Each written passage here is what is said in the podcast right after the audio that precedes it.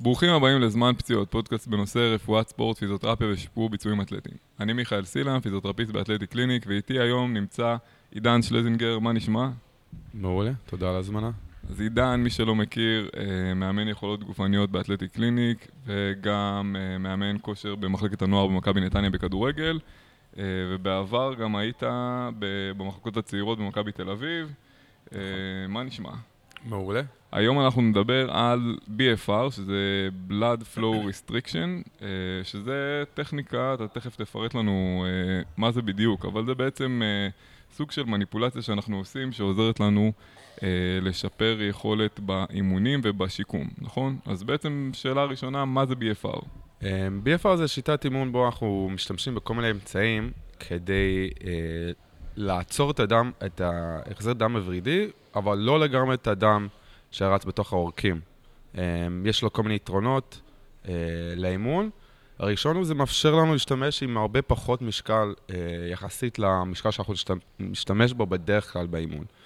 אם בדרך כלל אנחנו נשתמש במשהו כמו בין, תלוי באיפה שאתה מסתכל בספרות, אבל מינימום 50% מה-1RM, עד 60, 70, 80, 90%, פה אנחנו נוכל להשתמש במשקל יותר קרוב ל-20%.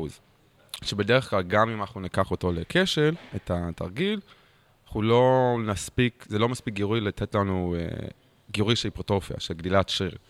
אמ, ויש הרבה אוכלוסיות שנעדיף לפחות לתקופה להשתמש עם הרבה פחות משקל, או שהם אפילו לא יכולים להשתמש עם הרבה משקל אה, במהלך האימונים או פה באתלטיקלינג בשיקום. אז אה. בעצם הורדה של עומס מכני כדי לאפשר אה, עלייה בכוח שריר, ב... ב... בעוד הרבה דברים, כן. נכון? בעיקר היפרטרופיה, שזה בניית מסת שריר, אה, ובצורה קצת יותר כיפי זה, זה כוח. עכשיו, אה, שריר יותר גדול לא מבטיח שנהיה יותר חזק, אבל זה כן נותן פוטנציאל להיות יותר חזק. Uh, במיוחד בהיבט השיקומי, אנחנו מחפשים יותר הכוח, נכון? אם אני לא טועה. יותר חשוב לנו הכוח, והמסת שריר הוא אינדיקציה שאנחנו מחז... מחזקים. נכון, יש לנו אפילו מדדים שאנחנו לוקחים כהיקפים, mm-hmm. שהם, נכון שאין להם קורלציה ישירה עם אה, כוח, אבל אנחנו כן יודעים שיש קשר אה, יחסי. אז בעצם היתרונות שלנו זה שאנחנו יכולים לעשות, לעשות את אותו, לקבל את אותה אפקטיביות עם עומס מכני נמוך יותר. כן. אמ, בעצם, איך, איך זה התחיל כל הסיפור הזה? הרי זה משהו שראינו המון שנים בחדרי כושר, mm-hmm. ו- ופתאום נהיה הייפ סביב זה, ויש עכשיו אלקטרונים וידניים, כן. ואיפה, איך הכל התחיל? אז קודם כל, אה, בחדר, בחדר כושר רגילות, זה לא הכי נפוץ דווקא, אה, אני כשהתחלתי להתאמן, לא כשהתחלתי להתאמן, אבל אחרי כמה שנים שהתחלתי להתאמן, השתמשתי בסתם רצועת גומי לשים על ידיים, ואנשים הסתכלו עליי די הזוי. אמ, אבל עדיין זה, זה משתמשים בו הרבה ב, בפיתוח גוף, ככה אנשים מכירים אותו, מכירים אותו, אבל רוב המחקר עשו על, אה, על אוכלוסיות בשיקום. אה, זה התחיל עם אה, יפני בשם דארטה סוטו, שהוא יום אחד מתפלל בדת שלו, נראה לי זה טאואיזם, ויושב על ברכיים תוך כדי שמתפלל, והוא חש איזשהו נימול בתאומים. הוא אומר לעצמו, תשמע, זה מרגיש לי כמו פאמפ. כל מי שמתאמן מכיר את התחושה של הפאמפ, שהשריר מתמלא בדם ויש התרחבות של הרקמות. הוא הרגיש שזה דומה לו, אז אולי יש פה איזה משהו. זה, הוא לקח אה, את הגומי, את החלק בפנים שצמיג, והתחיל לקשור את הגפיים ולהתאמן, עד שהוא כמעט איבד, אה, אם אני לא טועה, כמעט איבד יד, רופאים אמרו לו להפסיק, אז הוא לקח הפסקה מזה. עד שיום אחד באיזה תאונת סקי, שבר גם שתי הקרסוליים, קרע במניסקוס וקרע ב-MCL. אה, ובזמן שהוא היה בסד, הוא החליט, הוא לעשות על עצמו קצת BFR, ה... הוא לקח את הצורות האלה, קשר את הרגליים, עשה גם קצת אה, קיבוצים איזומטריים, נראה לי בעיקר בארבע ראשי. וכשהוא חזר לרופא, רופא נדהם, זה, זה לא רק שלא היה לו אטרופיה ברגל אחד, שזה מדהים, זה כאילו אחת הבעיות הכי נפוצות שיש לנו בפציעות אה, ברך וקרסול, שהשריר פשוט מתעלם כי אנחנו לא עושים פעילות גופני. בכלל, וגם עוד סיבות. אה, וגם הרגל השנייה אפילו עלה במסת שריר, שזה, לרופא זה לא היה הגיוני בכלל, אבל דרך הטכניקה הזה הוא הצליח לגרום לתוצאות האלה. אז בעצם הוא התחיל את זה עם אה, ניסיון עצמי, ומאז אנחנו רואים עלייה במחקר כן. על, ה, על העניין הזה. אה, וזה התחיל כזה, יותר היה בשימוש באמת בעולם הפיתוח טוב, גוף. נכון. אה, והיום אנחנו רואים את זה יותר בשיקום. מה, מה, מה בעצם קורה שם? מה המכניזם של, ה, של הדבר הזה שגורם לזה שיש לנו עלייה במסת שריר, מעצם זה שאם אני, גם אצלו, בסיפור שלו, חלק מהזמן הוא אפילו לא עשה שום דבר. כן. זאת אומרת, רק שם uh, סוג של uh, בעצם חסימה ורידית, כן. uh, או חצי אורכית כזאת, כן. ו- ו- וזה כשלעצמו עזר. אז מה בעצם הגורם הפיזיולוגי ה- כן. ש- שגורם לסיפור הזה? אז יש כמה תיאוריות, השערות, אף אחד לא יודע להגיד חד משמעית זה הגורם, כנראה זה כמה גורמים ביחד. Uh, ראשון, uh, שזה כאילו הכי מקובל, זה ה... ב- ב- בעת השימוש של ה-BFR, אנחנו רואים עלייה משמעותית של כל מיני הורמונים, uh, בעיקר uh, IGF-1, ו... והכי חשוב זה החומר גדילה. אנחנו רואים במחקרים מסוימים עלייה של יותר מפי עשר של חומר גדילה, בהשוואה לא למנוחה, כאילו, סתם פעולה, אלא, אה, אפס פעולה, אלא לפעולה גופנית רגילה. אז אם אני עושה יד קדמית עם לעשר חזרות בהשוואה עם BFR, אני רואה עלייה מאוד מאוד חדה של החומר גדילה, שיש לו גם אה, אפקט מעבר לרק השריר עצמו שעובד. יש- אפקט סיסטמי כאילו. כן, זה נקרא Cross Transfer Effect, זה מאפשר אה, לגדילת שריר בשרירים אחרים, גם כשאני נותן לו גירוי שהוא לא מספקת, לדוגמה, בדרך כלל אנחנו צריכים משהו כמו 50-60 אחוז מהוון RM, אה, ליד כמי שאני עובד כדי לגרום לגדילת שריר. אם אני משתמש במשקל של נגיד 30, וואנה- של- 30 אה, אחוז מהוון RM, ואני עושה BFR ברגליים, אני אראה שיפור ב, בידיים. אז כמו שאמרת, כן, יש אפקט גלובלי שהוא לא רק ברקמות, או עוד מחקר שעשו על אה, שחקני פוטבול אמריקאי, שעשו לחיצת חזה עם ה-BFR ליד. והראו שהשיפור לא רק היה מתחת אה, לחסימה, אלא גם בכתפיים וגם בחזה, גם בכוח וגם במסת שריר. אז רואים שהוא לא משפיע רק על האזור שאני עובד. אז זה, זה הגורם העיקרית. יש גם אה, גורם של, אה, יש מה שנקרא Handman's Principle, שאומר שככל שהשריר מתעייף, או הדרישה שהכוח עולה, אה, הסיבים היותר גדולים, שיותר חזקים אבל דורשים יותר אנרגיה, מתחילים לפעול. הרי הגוף הוא בדרך כלל מנסה לחסוך אנרגיה כ- ככל שהוא יכול. אה, ושה... אז הוא מעדיף להשתמש עם סיבים קטנים יותר ושדורש יותר אנרגיה. אבל כשהם מטייפים, ומטייפים במיוחד בשיטת אימון הזה, אז אין ברירה אלא להשתמש עם הסיבים הגדולים יותר, שיש להם יותר פוטנציאל לגדילה. אה, סיבים לבנים, יש להם יותר פוטנציאל לגדילה, בהשוואה לסיבים אה, אדומים שיש להם פחות, ואלה הסיבים שהגוף יעדיף להשתמש בו, כי דורש פחות אנרגיה. אז בעצם יש לנו, אז, אז אני אסכם את זה, בעצם אמרת שיש גם כמה גורמים. אחד, הגורם של הורמון הגדילה, שבעצם בגלל שהוא הורמון אז הוא עובד סיסטמית, וגם אם אני עובד על uh, גפה עליונה אני אוכל לראות שיפור uh, בגפה תחתונה, או מהמם. פרוקסימלית לחסם בעצם, כי השחרור בדיוק. של ההורמון הוא סיסטמי כמו שאמרנו, uh, ומאפשר לנו בעצם לקבל uh, uh, בעצם uh, תוצאה יותר טובה על יחס uh, עבודה יותר נמוך. והגורם השני אה, זה הצירוף של אה, סיבים יותר אה, גדולים שמשתתפים בפעולה במקום הסיבים הקטנים שאמרנו שהסיבים הקטנים הם אה, יותר, אה, הגוף הוא הרי יעיל אנרגטית, חסכוני ובפעולה הוא יעדיף לקחת את הסיבים הקטנים יותר, אלא אם לא תהיה ברירה, העומס יהיה גבוה יותר וכולי, ואז הוא, יצ... הוא, י... הוא י... יגייס בדיוק. סיבים גדולים יותר, אז כאן בעצם בעומס נמוך יותר בגלל הסטרס המטאבולי ה- מהמם. ה- של זרימת נכון. הדם בעצם, אז הוא יבוא, אה, יביא מוקדם יותר עבודה של סיבים גדולים. בדיוק. אה, אוקיי, מעניין. אוקיי, א- איך, איך אנחנו עושים את זה בפועל? איזה, איזה סוגים ש, של... אה, יש היום, אנחנו כאילו, אני... אנחנו מדברים על זה, אני בטוח שזה יקפוץ לי עכשיו בכל הרשתות החברתיות. יש מהמם. לנו כאלה שהם אה, לסטים, מכניים, אה, חשמליים, לנו פה יש כן. כמה סוגים. תספר לנו קצת על ההבדלים ביניהם, כן. על מה החשיבות. אז יש uh, בעיקר שלוש סוגים. Uh, נתחיל מהפשוט להפעלה והזול עד המורכב uh, והיקר. אפשר להשתמש עם uh, רצועות גומי, כמו שאפילו יש בצבא, uh, חטא עין גומי, מקשר את זה, uh, ואתה יכול, יכול לבחור בין קום לפי לחץ דם ספציפי, שאנחנו נדבר על זה בהמשך. אתה מש- משתמש עם ק- קושי סובייקטיבי. לקח uh, 10 מ-10 זה כאילו, חסמנו את העורק לגמרי, זה מאוד מאוד חזק הגוף. לקח משהו כמו 7 מ-8, קוש, כאילו, תחושה. או יש גם רצועות אחרות שכאילו מסומן עם, עם זאת אומרת, שם אנחנו בחיטיים גומי, או לצורך העניין, כן. אנחנו נשתמש על פי אה, תחושה סובייקטיבית של בדיוק. חסימה. אז מה- מה מה ההוראה שאני אומר למטופל? אה, אני אומר לו, תגיד, תכל'ס הכי פשוט להגיד שזה מרגיש מאוד חזק, אבל לא שזה חוסם את, ה, את ה, כל אדם לגמרי. זה אוקיי. צריך להיות חזק, זה יהיה לא נוח, אבל אימון, אימון אפקטיבי הוא בדרך כלל לא הדבר הכי נוח, אז אוקיי. זה לא, זה לא היסטרי. אז זו האופציה הראשונה. כן, האופציה השנייה, אה, זה קצת יותר מדויק, יש מש, משאבה עידנית, לוחץ אותו, נותן לי מדד ש, של לחץ דם, ואז שם אני יכול גם להתקדם לפי הלחץ דם הספציפי, אה, שאני, או הלחץ של החסם אה, ספציפי.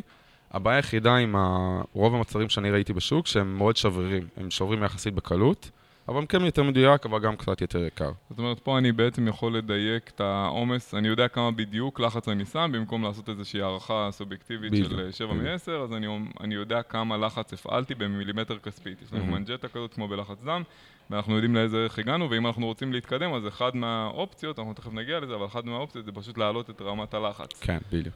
אוקיי.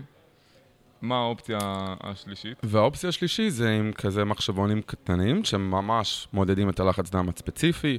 אה, יש משאבה אלקטרוני, אה, לפעמים על חוטים, לפעמים עם חוט. הם עולים כמה מאות דולרים, בדרך כלל רק מתאים למכוני פיזיותרפיה, כמו שאתלטיקניק יש, או אפילו אה, בתי חולים. הם מאוד מדויקים, אה, הם גם יכולים לשנות את הלחץ תוך כדי אימון, כדי לשמור על בדיוק האחוז מהלחץ דם שאנחנו רוצים. מאוד משוכללים.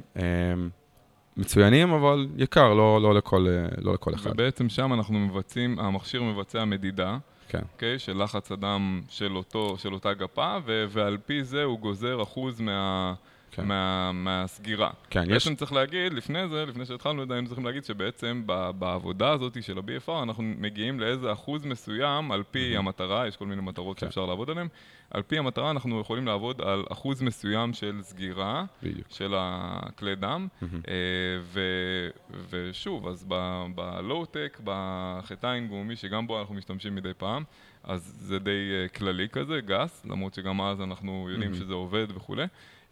ו- ו- ומכאן זה מתקדם לדברים שהם מכניים אבל לא מודדים. אפשר לבצע איתם מדידה בעזרת דופלר או דברים כאלה, או אם זה גפה עליונה, אם זה ביד, אז אפשר פשוט למדוד דופק. כן. אה, וב- ויש את המכשירים היותר משוכללים שהם עושים גם מדידה וגם אה, חוסמים על פי ההגדרה שהגדרנו להם. כן. יש, אוקיי. יש משהו שנקרא LOP, Limb Occlusion Pressure, שזה בעצם, basically, הלחץ דם אה, הסיסטולי. אה, אם אנחנו נתחיל את ה-BF, עם BFR באימון, שבדרך כלל אנחנו נעדיף לא לעשות את זה בהתחלת התחלת האימון, אבל נגיד שכן, אה, אז הלחץ שאנחנו נחפש, נחפש זה יהיה אחוז מסוים מ-120 מילימטר כספי ביד, או 100, אה, 220 מילימטר כספי ברגל. אם אנחנו באמצע או סוף אימון, אפשר להוסיף עוד 10-20 אה, אה, מיל- מילימטר כספי לזה, ושם בעצם זה הבסיס ממנו אנחנו גוזרים את האחוז. זאת אומרת, אדם אה, בריא, ממוצע, רגיל, אז לחץ הדם בגפה העליונה, הסיסטולי, מהמם. יהיה באזור ה-120 פלוס מינוס. כן, אה, ובגפה התחתונה, ברגל, אז הלחץ דם שם יהיה הרבה יותר גבוה, הוא יהיה כן. באזור ה-220-240. נכון. אז גם אם אין לנו מכשיר אלקטרוני שמודד, אנחנו יכולים לשער שזה הלחץ סגירה, ואז Mhm. אם אני עושה עם מכשיר מכני שנותן לי. לפחות את הערך של, ה, של כמה לחץ אני מפעיל, אז אני יכול לדעת שהייתי בקירוב לנורמה של אנשים נכון. שיש להם, שבלחץ דם תקין ב- באותה גפה. נכון. אוקיי, מעולה. אז, אמ, אז הזכרת את ה-LOP, כן. אמ, שזה ה-Limb Oculation Pressure. Limb Occlusion Pressure. Occlusion, occlusion זה בעצם אה, סגירה עד הסוף של, של העורק. אוקיי, ובעצם, אז איך, כאילו, מה המדדים השונים ומה. המטרות השונות להם אנחנו משתמשים אה, ב-BFR? כן, אז אה, יש לנו העיקרית, יש לנו היפוטרופיה, גדירת שריר, זה משהו נע בין 40 ל-80 אחוז מה-LOP. בדרך כלל בגפיים התחתונים נשתמש באחוז קצת, נתחיל עם האחוז קצת יותר גבוה, אולי יותר 60 אחוז, ועם הידיים אפשר להתחיל יותר נמוך עם 40 אחוז. אה, ואז אנחנו עוברים, ל... אפשר גם לשפר יכולת קרדו-וסקולרי. אמנם זה כנראה בעיקר אה, משפר את המערכת היקפי, פחות התכונות של הלב. גם כאן, גם כן, כי הוא צריך לדחוף קצת יותר חזק, אבל בעיקר אולי angiogenesis, בנייה שיותר אה, אה. נימים, כן, כלי דם, צפיפות של מיטוכונדריה, אמ, אז אה, בעצם, רגע, אתה אומר כן. פה שחוץ מההיפרטרופיה והכוח, שזה אנחנו יודעים. וזה השימוש הנפוץ ביותר והעיקרי, אז אנחנו יכולים להשיג שיפור במצב הקרדיו-וסקולרי כן. על ידי חסימה של, אה, על ידי שימוש של כן. BFR, אה, על ידי זה שאנחנו בעצם גורמים גם ללב לעבוד מול התנגדות גבוהה יותר, בדיוק. וזה ב- כשלעצמו, בעצם אם יש חסימה ב... בכלי דם או לחץ בכלי דם עולה, אז הלב צריך לעשות, לייצר התנגדות גבוהה יותר כדי לדחוף את הדם עד הסוף. אה, זה אחד.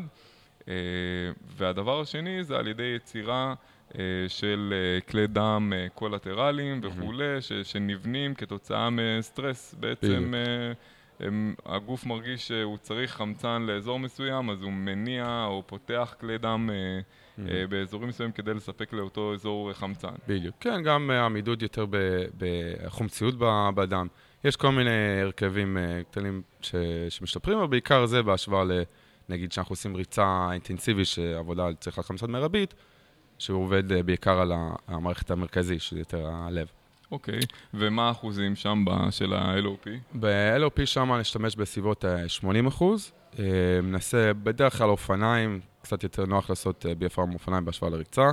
אה, עשר דקות, רבע שעה, אה, ולא בד... לא בעצימות יותר מדי גבוהה. אה, בספרות אין יותר מדי אה, הסכמה חד משמעית איזה עצימות. הרבה כותבים אה, 50 אחוז מה... מהדופק המרבית. אפשר לעבוד קצת יותר גבוה מזה, אבל בסביבות ה-50-60.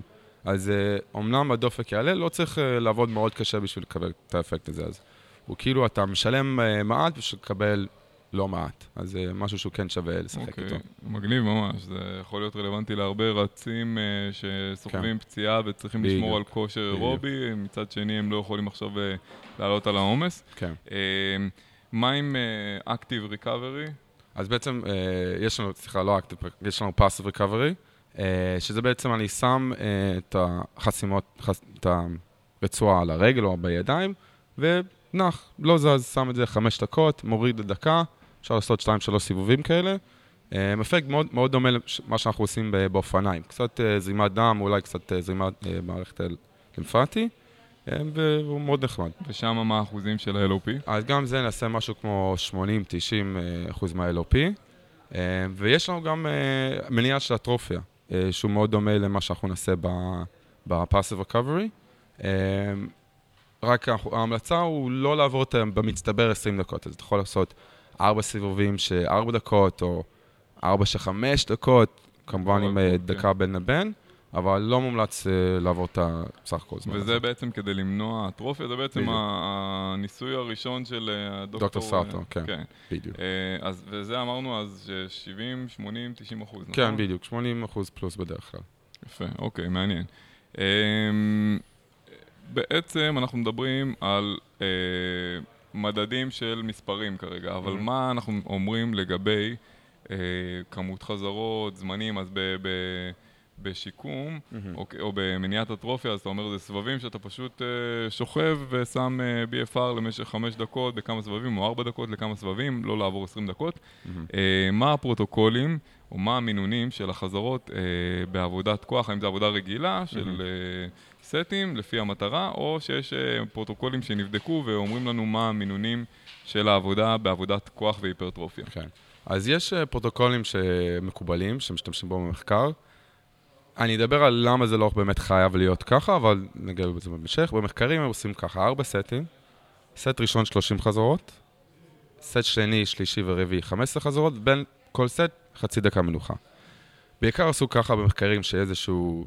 שיהיה דומה כל הזמן ושלא יהיה יותר מדי וריאציות, ואה, הוא עשה ככה, אז אי אפשר להשוות למחקר הזה, וככה וככה, אז שיהיה יחיד. אמ, אבל בגדול, מה שחשוב זה שיהיה לנו, אה, שיהיה לנו הצטברות של כל ה stuff שדיברת עליו מקודם, אם זה יוני מימן, אה, חומר גדילה, אה, דם, לא משנה מהו, שזה יצטבר וזה יהיה נוכח למספר דקות. אמ, מה שהשימוש בפרוטוקול נותן לו זה שנהיה עקבי ובאמת, אה, לפחות שיהיה בסיס, ומשם אפשר לעשות progressive overload כמו שעושים בכל אימון. אה, אם זה לעלות מספר חזרות, לקצר, לא- להאריך את הזמן מנוחה, אה, לעלות משקל, למרות שזה קצת פחות, כי זה פחות, אה, זה, אנחנו לא רוצים לעבוד במשקל כבד, אז קצת מאבד את הפרויקט, אבל כל שאר הדרכים שאנחנו עושים progressive overload הוא מאוד uh, רלוונטי פה. אז הפרוטוקול הבסיסי הוא בעצם 30 חזרות סט ראשון, אחרי זה של... שלוש סטים של 15 חזרות. בדיוק. עם חצי דקה הפסקה ביניהם, זה כן. הפרוטוקול הבסיסי של כוח והיפרטרופיה. נכון. Um, בעצם לשיקום אה, קרדיו-וסקולרי, או לשיפור של מצב קרדיו-וסקולרי, מה אנחנו מדברים? Um, כמו שאמרתי, אנחנו קודם כל רוצים את הלחץ שבסביבות ה-80%, וגם, ואז 10 דקות, רבע שעה, uh, או ריצה קלה, אבל עדיף אה, אופניים. Uh, לא משהו סופר אינטנסיבי. זה יהיה מורגש ברגליים, אין כן. ספק, כאילו, זה יהיה קשה. זה בערך ב-50% מאמץ, נכון? כן, זה יהיה קשה ברגליים, אבל אתה לא תרגיש כאילו הדופק עולה סופר גבוה ואתה לא נושם, זה, זה די סביר. אוקיי. ותגיד, יש מינון שבועי שאנחנו לא רוצים לעבור אותו, או כן, איך זה עובד מבחינת אז כמויות שבועיות? בדרך כלל ב... במחקר אנחנו רואים שמעבר לפעמיים שלוש בשבוע, אין לנו יותר מדי שיפור, לא רואים יותר מדי שיפור מעבר לזה. ובנוסף, אם נתת את הגירורי כל הזמן יותר מדי, יש סיכוי שנסתגל יותר מדי מהר לגירורי.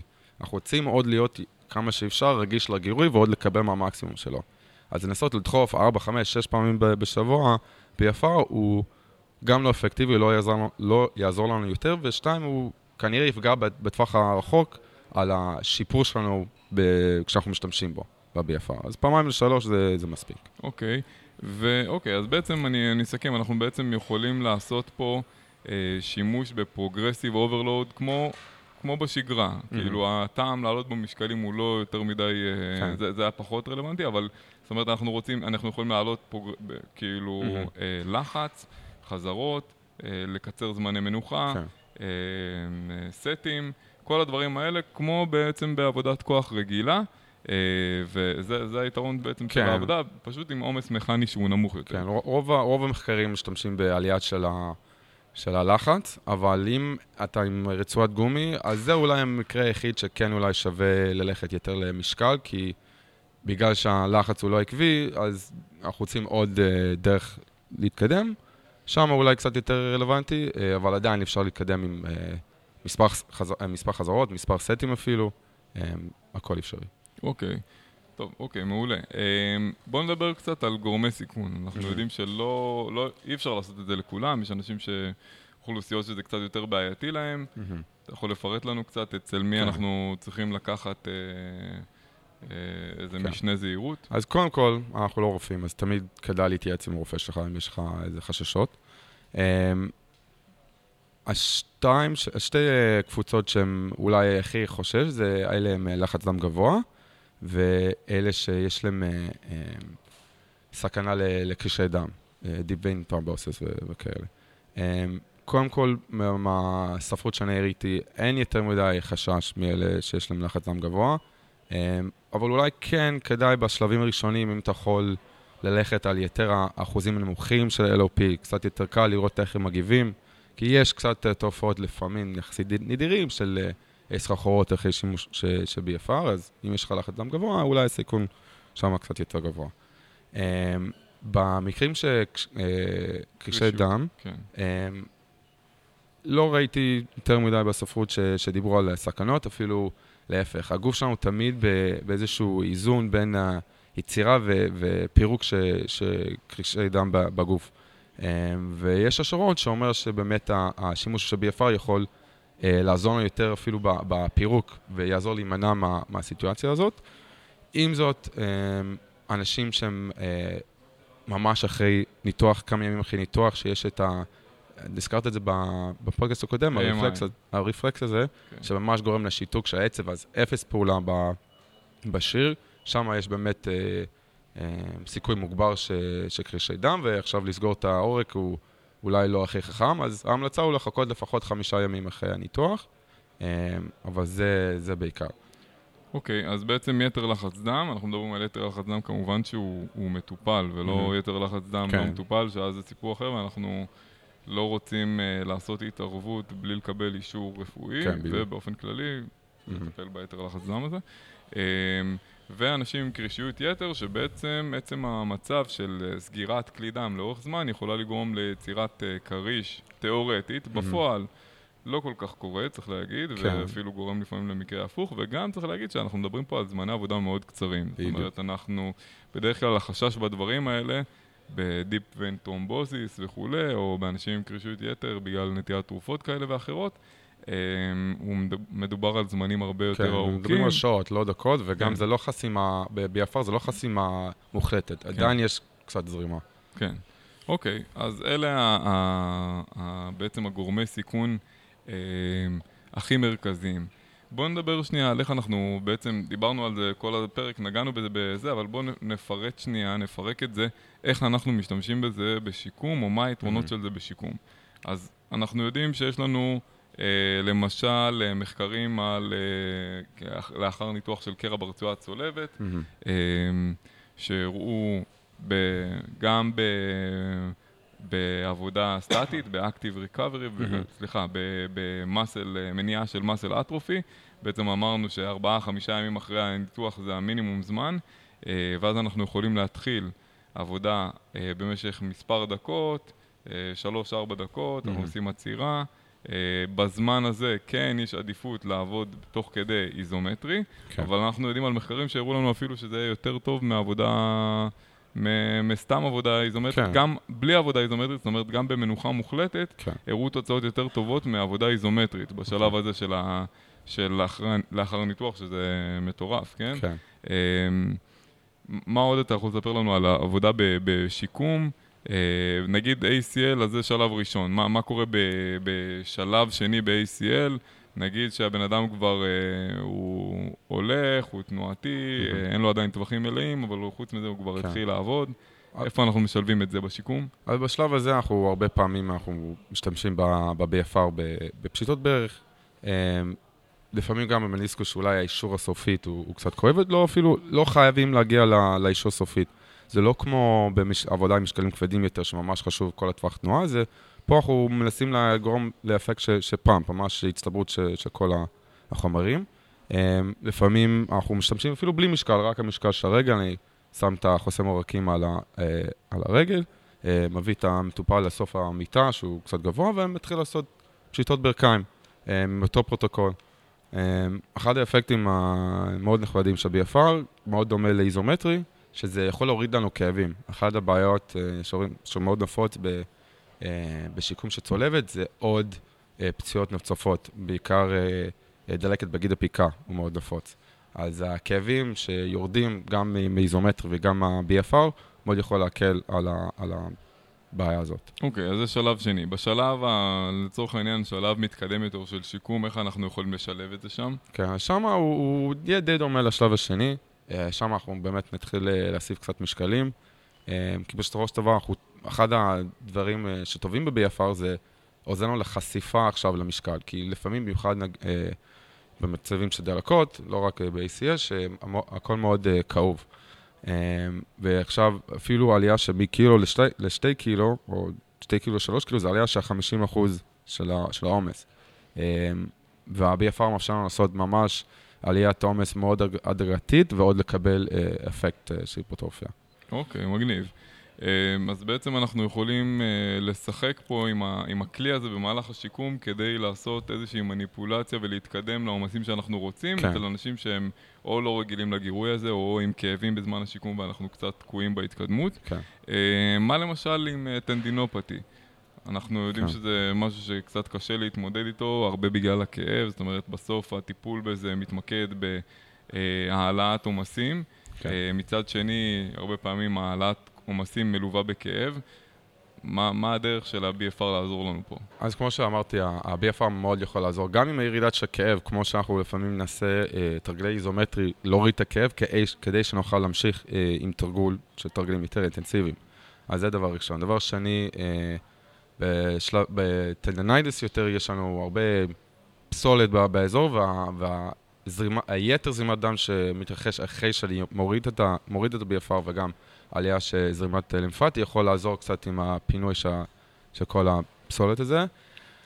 Um, אחת הבעיות אבל שב-BFR שהוא לא ממש משתפר כל התכונות של הגיד עצמה, שזה בעצם מה שאנחנו מנסים לעשות. יש קצת uh, uh, השיפור של העובי או גודל של, ה, של הגיד, כנראה יותר באזור שאיפה שהשריר פוגש, את ה junction בין השריר לגיד, ששם יש יותר כלי דם, אז האפקט פה יכול להגיע, אבל עדיין חסר את העומס. אה, זה משהו שמאוד מאוד חשוב לשיפור של, אה, של התכונות של גיד.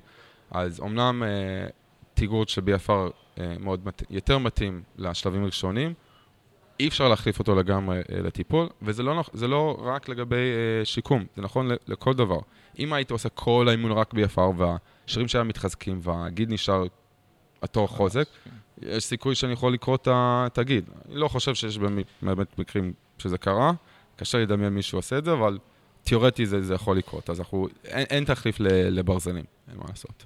אוקיי. Okay. אמ, um, בואו נדבר שנייה על uh, תחושת מאמץ mm-hmm. ב-BFR ועל נוחות כללית. זאת אומרת, אנחנו יודעים שזה לא, לא תמיד הכי נוח, uh, וגם מבחינת uh, RPE, מה, מה אתה אומר, האם זה משפיע, זאת אומרת, אנחנו משתמשים ב-RPE כדי לדעת האם בן אדם משיג את העומס שהוא רצה, או שאנחנו רצינו לצורך mm-hmm. העניין, אמ, וכשיש לך משהו שלוחץ וכואב ולא נוח וזה, אה, איך זה משפיע? אז כן, בהתחלה, למי שלא רגיל, זה משהו שהוא יחסית מפתיע, התחושה שה, שהלחץ של, ה, של הרצועה. אבל אחרי אה, פעם, פעמיים כבר מתרגלים, זה כן צריך להיות אה, יחסית חזק. אז התרגול עצמו מאוד דומה לשאנחנו עושים מעט, מעט משכב והרבה חזרות בחדר כושר רגיל. יש לנו את הכאב של, של השרפה של השריר. אמ, והאפקט הזה עוד יותר מוגבר מ-BFR, אז כאילו, זה קשה, אה, זה שורף המון, אבל זה לא, זה לא משהו היסטרי, זה לא משהו שתמות ממנו, כאילו, וואו, אני לא יכול לסבול את זה, אני לא יכול לעשות את זה יותר. אז אני לא חושב שזה משהו שצריך לחשוש ממנו יותר מדי, אבל כן חייב שיהיה קשה, 7, 8, 9, 10 קושי. בכאב, אני חושב זה, אם אנחנו נשווה את הכאב של השפה של השיר לעומת התחושה של הדקירה, שיש לך פציעה במניסקוס או פציעה ב... או איזה טנדנופתי, הוא לא, לא אותו רמה. התחושה של דקירה זה הרבה יותר כאב. אז אם מישהו מכיר את התחושה הזאת, הוא יודע ש... אני יכול להגיד לו, ה-BFR פחות כואב מזה, אז אין לו, אין לו מה לדאוג יותר מזה. זה כואב אבל לא מלחיץ. כן, בדיוק. זה אוקיי. כזה, אוקיי, וואו, זה ממש שורף, אבל זה לא... זה מאוד סביר. אוקיי, אה, מעולה. אוקיי, לסיום, רצינו, אמרתי, אולי, אם כבר אנחנו כבר מצלמים את זה, אולי נדגים אה, mm-hmm. על... בואו נראה מי יש פה. אולי... אורסני? יש לנו איזה מתנדב להדגמה של BFR? אתה? כן. יופי, אוקיי, בוא נדגים. בואו נתחיל עם, ה, עם הפתרון הפשוט יותר, נביא את ה-BFR גומי, אני רואה את זה שמה. אתה יודע איפה אתה... זה שם. אורסני, תביא את הגומי שנייה רגע קודם. יופי. אני זה הדמות, אה, אני צריך כן. גלגל. אתה רוצה שאני אשים? אתה היית חובש מהצבא. זה, אגב, גומי שאני הבאתי ממש מהצבא, אפשר להשתמש בו. אה, אני לא יודע אם בכלל... אגב, הם צריכים אותו חזרה, הם התקשרו והם אמרו שהם... רק כן. בקאט היום, הם לא משתמשים בזה בכלל. נכון. אוקיי. אה, בשנים עבר הוא היה כזה. בוא נראה. אז בעצם תתקרבו, אנחנו נציג את זה לגפה העליונה שנייה. על הבגד, לא על הבגד, יש חשיבות. אז כן, אנחנו רוצים לעשות עדיף לא על הבגד, אה, במיוחד אם אנחנו משתמשים במכשירים אלקטרוניים, הם, יהיה להם קושי לזהות באמת מה הלחץ דם הנכון, ואז יהיה לו קשה לתת את האחוז הנכון, אבל עם רצועה גומי זה קצת פחות קריטי, כי באמת אפשר אה, ללחוץ כמה חזק שבעולם. Okay. אז אוקיי. קודם אני רוצה להביא אותו כמה שיותר גבוה. אז דיברנו על הכאב, אולי הדבר שהכי כואב תכל'ס זה אם אנחנו בבית השחי, לפעמים זה תופס שערות, אבל חוץ מזה זה לא סופר היסטרי. בוא נתחיל מפה. אז אני תופס את הגומיה, עושה איזה סיבוב אחד שזה נועל אותו במקום, ואז אחרי זה אני עושה כל, בוא נטריד את היד קצת, כל סיבוב יחסית חזק, אוקיי? לא עם כל הכוח ככה, אבל כן שיהיה עצים, סובב כמה פעמים. עכשיו, אחד הדברים החשובים, זה בגלל שהוא כן אה, קשה, התרגיל עצמו, ממש בסוף התרגול אנשים קצת בכזה לחץ להוריד את הגומייה. כן. אה, אז כן, אני תמיד מנס, משתדל עם הגומייה להשאיר איזשהו אה, דרך שהם יכולים לשחרר ממנו זריז. אז אני מגיע לקראת הסוף, לוקח את השכבה העליונה, תופס ככה. אופס. אוקיי. גיא. תביא לנו איזה dumbbell, תביא לנו dumbbell. פה, יופי. ואז פה הוא פשוט שולף והוא בסדר. תן לי איזה עשר. לא, לא, עשר לא. שלוש, ארבע קילו, באמת, חמש קילו גג, זה נשמע מצחיק. אני גזרתי עשרים אחוז מהאחד RM שלך של bicep. עדיף, אז זהו, אז זהו, bicep, בגלל שאנחנו עושים לרוב תרגילים חד מפרקים, אה, אני בדרך, אנחנו לא נדע מה ה-one RM של הפשיטת אה, מרפק, אז לרוב אני לוקח משהו כמו רבע מה-10 RM, וזה 30 מספיק. חזרות. עכשיו, זה נראה קצת מצחיק, אבל באמת, אה, הוא די קשה. אנחנו מחפשים שלפחות באמצע הסט השני, שלו התחיל להיות די קשה, אפילו מאוד קשה, ואז משם זה רק עולה. ממש כאילו קשה לסיים את התנועה, כמו בכשל של שריר של אה, כן. זה. אין לנו, בגלל שה... שנייה. בגלל שקודם כל אנחנו עושים לרוב תרגילים אה, חד מפרקי, אין לנו כל כך אה, פחד מכשל ש... אה, טכ... אה, כשל טכני, זה לא כמו, אפשר לעשות עם סקווט, אבל גם אם נעשה עם סקווט, אה, זה אולי אה, כזה גובלט סקווט, משהו שהוא, אם נגיע לכשל, אין לנו שום שחקן, אה, כן, של- ארסני, אתה בוכה? יש מצב? עוד רגע. תשע, שלושים. אוקיי. אז 30 חזרות, יש לנו 30 שניות מנוחה. כן. אוקיי. אז רגע, באמת התחלת לדבר על, אה, על העבודה במשקלי מקסימום. כן. מה השימוש של זה בזה? זאת אומרת, אנחנו חבר'ה שרוצים אה, להשיג כוח לשם כוח, אוקיי? Mhm. לצורך העניין פאוורליפטרים. האם השימוש הזה נפוץ אצלם? איך הם משתמשים בזה? זה הרי תנועות מורכבות בדרך כלל, זה לא לבודד שריר. אז, אה, אז קודם, קודם כל גם עושים את זה לפעמים לבודד שריר, אם הם בשיקום אחרי פציעה, אבל יש גם תקופות שנגיד אולי אחרי תחרות, או אחרי תקופה של תחרויות, שהם רוצים לה, להוריד עומס. וזה דרך אה, שלהם כזה לשמור על אה, מסת שריר, אבל אולי הברכיים שלהם גמורות, או, כן. אבל הם מאוד אה, רוצים. לתת עבודה שישמור את המסת שריר, שהוא מאוד חשוב. כי אמרתי, נכון, כן, כמו שאתה רואה, יכול להיות שעשיתי קצת חזק מדי, אבל גם 3-4 קילו זה, הוא, הוא, הוא לא פשוט. פרגנתי לך בעשר פה לפני זה. כן. אנחנו נוריד את זה בעריכה. זה בלאגן, אחי. קדימה, תנסה להריץ. אז אנחנו נמשיך את זה בלי משקל. כן. אז, אז הנה, בדיוק, אפשר להוריד את. המשקל לגמרי, לעשות רק היד. אה, ושוב, לא חשוב פה המשקל, הוא נטו הצטברות, רואים פה איזה פאמפ ממש חזק, הוורידים מתחילים להתפוצץ, הצבע של, ה, של היד מתחיל, אה. היד אה, מתחיל לשנות צבע, וזה בסדר גמור. אם אנחנו רואים שבאמת חזק מדי, תמיד אפשר לשנות תוך כדי. אני אשחרר לו קצת, טיפה, והנה. עומר, אמרתי לך, תביא לי מישהו חזק. יופי. סיים את הסט, סיים.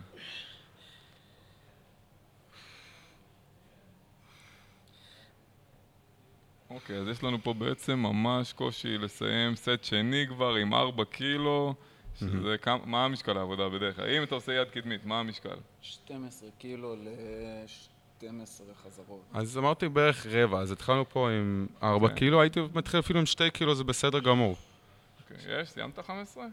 סיים אותם כבר. אוקיי. אה, בסדר, בסדר. תראה, אני לא יודע אם כן. אנחנו נציג את הסוף, ארסני, נראה לי זה הסוף פה, אתה בסוף כן. הסטים אתה שוכב פה על הרצפה. אה, אוקיי, זה היה כדי להסביר את העיקרון, אנחנו לא נציג את האלקטרוני, כי זה כאילו גם להציג מחשב וזה, כן. והפודקאסט גם רוב האנשים שומעים אותו ומאזינים ולא רואים. כן. בכל אופן, יש אופציה גם אלקטרונית שהיא הרבה יותר מדויקת נכון. וטובה.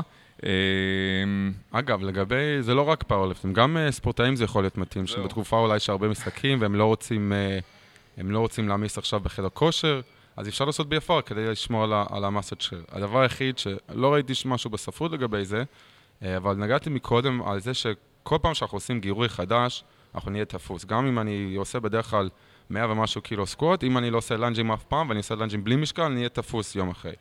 אז כן צריך אולי לעשות את זה פעם ב- כדי לשמור את ה... שלא נהיה רגיש מדי לגירוי, שאם... זאת אומרת יש- שלא תהיה הסתגלות קשה מדי. כן, בדיוק. או, אוקיי. או שאתה עושה את זה, פשוט לא לעשות אה, יותר מדי מגזים, כמו שעשינו אולי וגם. וגם לא, לא להיבהל עם, ה- עם הדומס שאחרי, כן. והדבר האחרון זה לא להיזהר לא לעשות את זה לפני משהו חשוב מדי. בדיוק, אז אמרתי, לא, לא לנסות את זה ככה. בדיוק. בדרך כלל אני אעדיף, אני אעדיף לעשות ביפר בסוף האימון, כי באמת אחרי זה השריר אה, עייף וגמור לגמרי, אז עדיף לסיים עם זה. אפילו אם אנחנו נעשה אירובי בסוף, אז עדיף אחרי האירובי.